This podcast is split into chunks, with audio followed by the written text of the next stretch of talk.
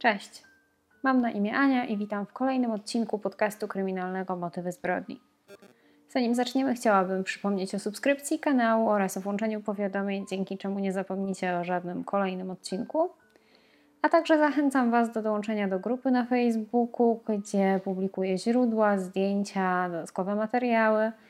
A także bardzo Was zachęcam do tego, abyście podejmowali dyskusje na temat spraw omawianych e, w podcaście, a także innych, o których może słyszeliście i chcielibyście porozmawiać. Czasami wydaje nam się, że wszystko, co najgorsze mogło się wydarzyć w naszym życiu, już jest za nami i że teraz to już tylko same dobre momenty. Jednak los potrafi nas negatywnie zaskoczyć i ma dla nas jeszcze trochę tych złych rzeczy. Dziewczyna, o której będzie dzisiejsza historia, nie miała zbyt wiele szczęścia. A w swoim życiu spotkała zbyt dużo złych osób. Zapraszam na odcinek.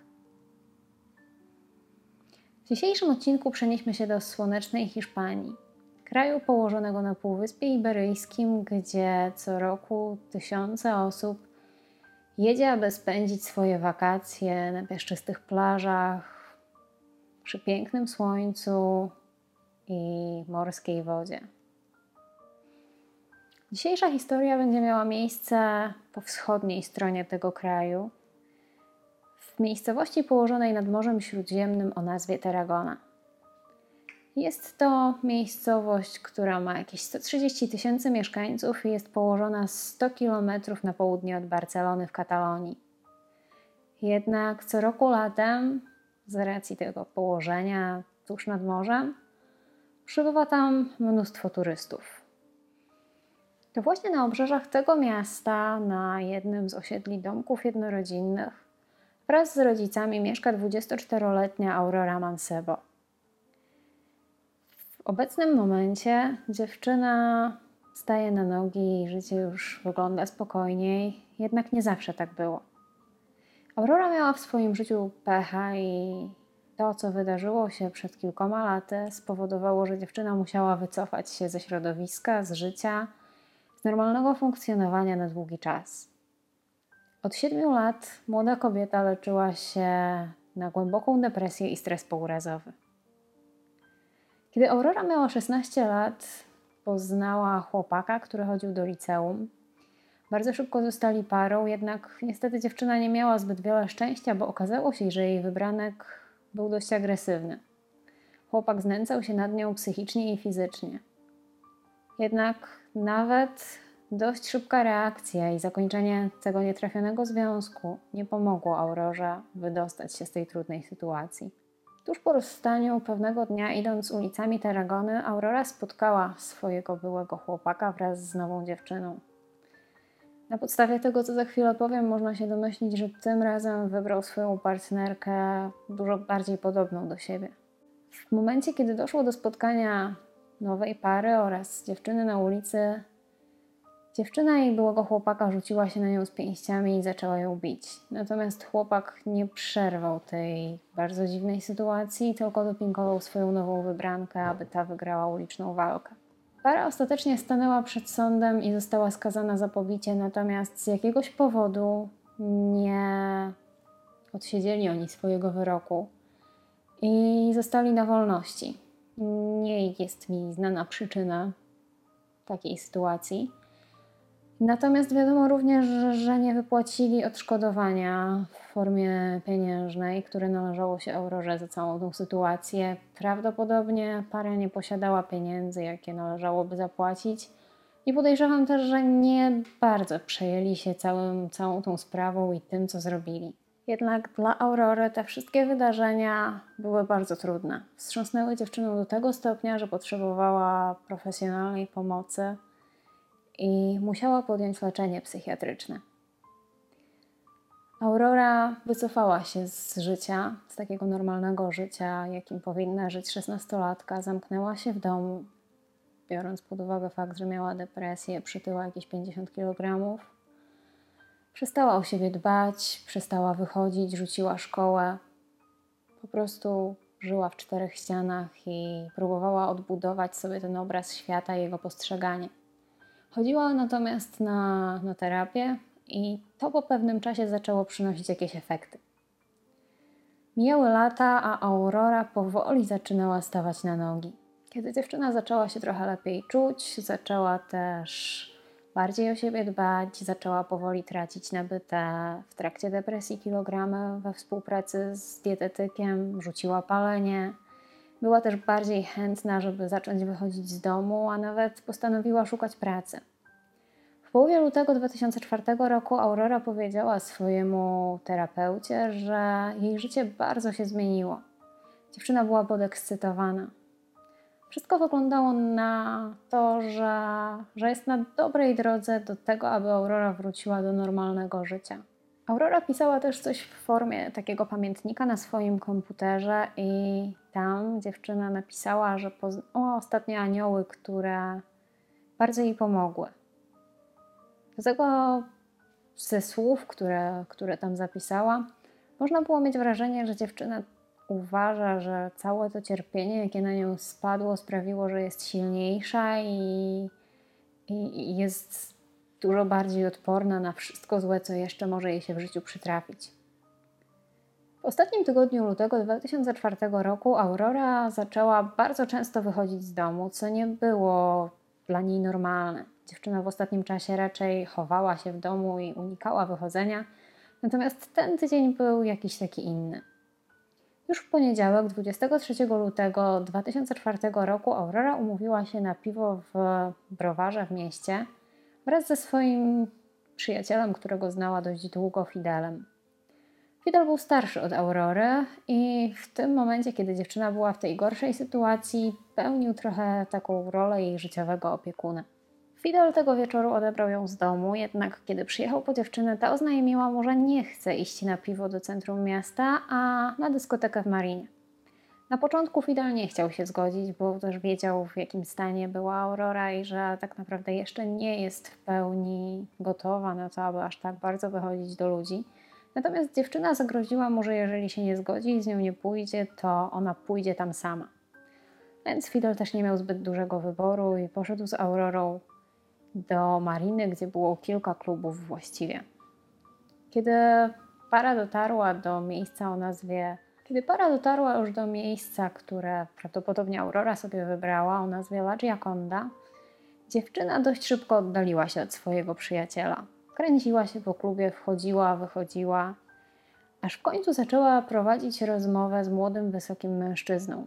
Według Fidela sprawiała wrażenie, jakby znali się od dłuższego czasu. Nie była to taka rozmowa osób, które właśnie przed chwilą się poznały.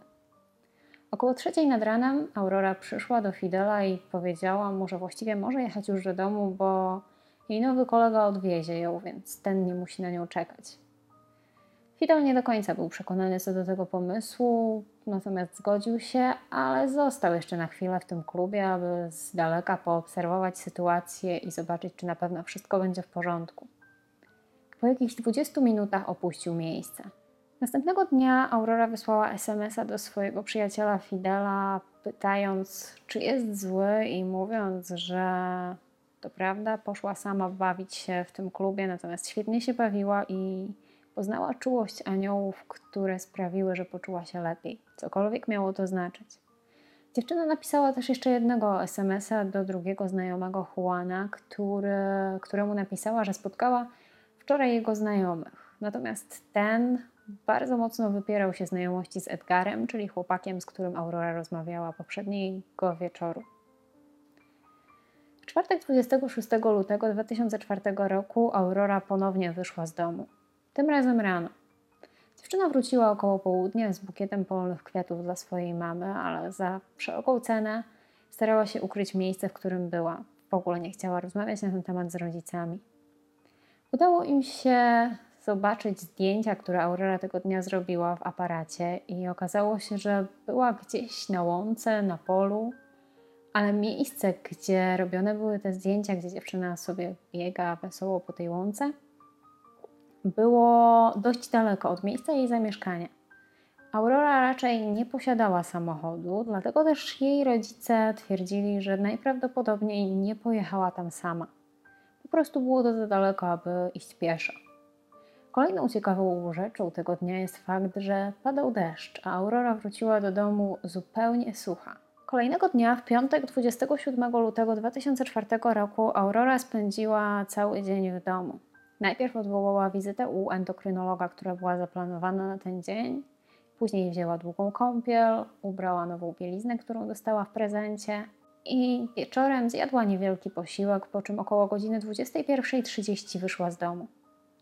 Jej rodzice nie wiedzieli, gdzie poszła. Miała niedługo wrócić.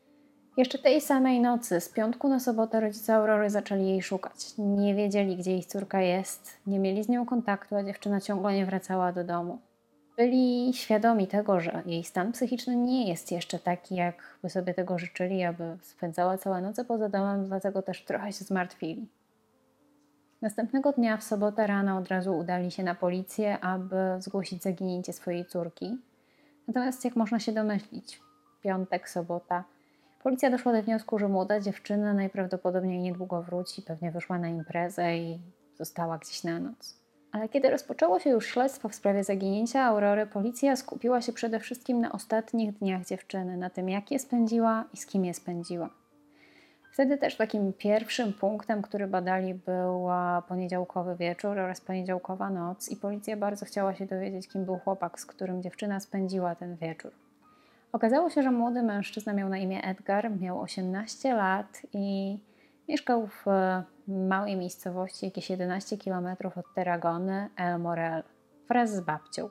Edgar był leczony psychiatrycznie jakiś rok przed zaginięciem Aurory. Z diagnozy, którą klinika, w której Edgar był leczony, postawiła, możemy się dowiedzieć, że chłopak ma nieokreślone problemy psychiatryczne spowodowane przyjmowaniem zbyt dużych ilości narkotyków.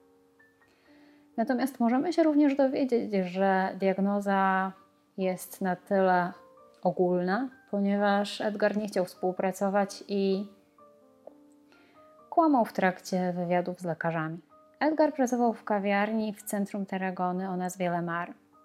Bardzo często chodził też do klubów na Marinie. W poniedziałkowy wieczór był w klubie wtedy, kiedy spotkał Aurorę z pięcioma współpracownikami. Jednak chłopak przeczył, że spędził całą noc z dziewczyną, powiedział, że podeszła do niego na 5 minut i właściwie się nie znają. Jednak wszelkie zeznania osób, które w jakiś sposób były powiązane z Edgarem, przeczą temu, co, co młody mężczyzna twierdzi.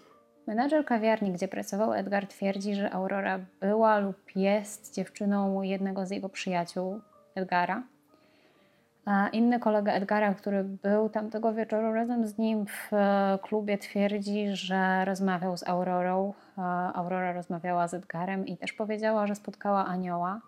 Natomiast Edgar stwierdził, że tej nocy jest opiekunem anioła. Pracownicy innych klubów w Marinie powiedzieli też, że widzieli Aurorę i Edgara, kiedy ci jechali jego samochodem w innym kierunku. Psycholog Aurory stwierdził, że nie była ona jeszcze w tak dobrym stanie psychicznym, aby z własnej woli chciała wsiąść do samochodu z kimś obcym. Dziewczyna jeszcze się bała. Po 12 dniach od zaginięcia Aurory, czyli 10 marca 2004 roku, na polu oddalonym od domu Aurory jakieś 4 km, w dość trudno dostępnym miejscu, odnaleziono ubrania. Ubrania dziewczyny. Co ciekawe, ubrania te były suche, poukładane, wyglądały jak ktoś by je przed, przyniósł tam kilka dni wcześniej. W tamtym czasie dość mocno padał deszcz w rejonie poszukiwań, więc nie ma możliwości, żeby te ubrania leżały w tym miejscu od momentu, kiedy Aurora była widziana po raz ostatni i, i żeby były w tak dobrym stanie. Wyglądały jak wyprane, poukładane i przyniesione. Niestety nie udało się na nich odnaleźć też żadnych śladów.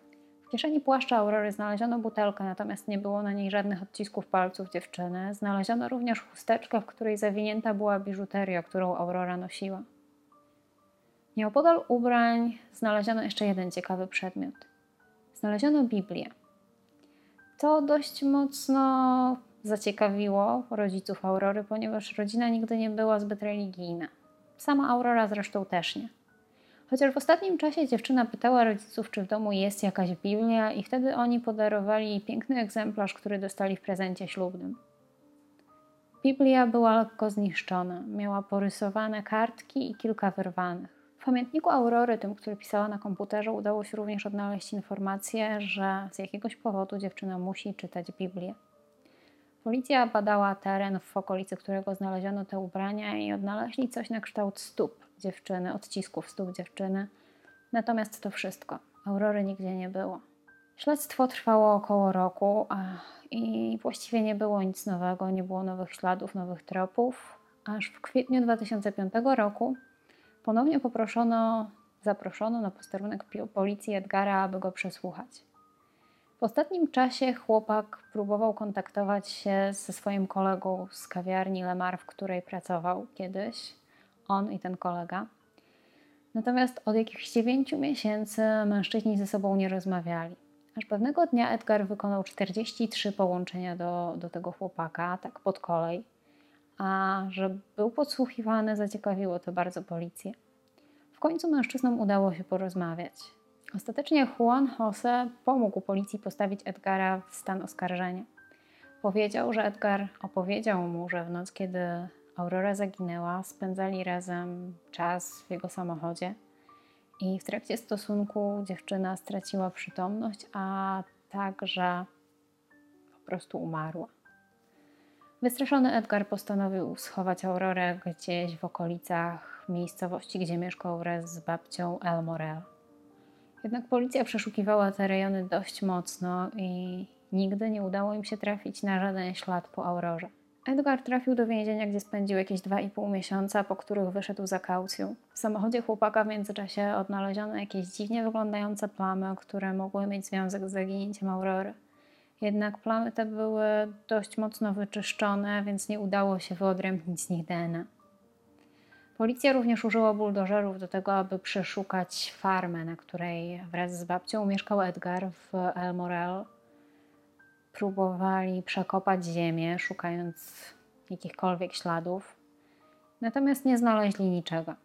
A rodzice dziewczyny twierdzą, że najprawdopodobniej zanim policja zaczęła prowadzić tam poszukiwania, ktoś przeniósł wszelkie ślady, które mogły pomóc w rozwiązaniu zagadki i ustaleniu miejsca Aurory. W czerwcu 2006 roku pojawił się w sprawie kolejny świadek. Młody chłopak, który kilkukrotnie rozmawiał z Edgarem na jednym z portali gejowskich.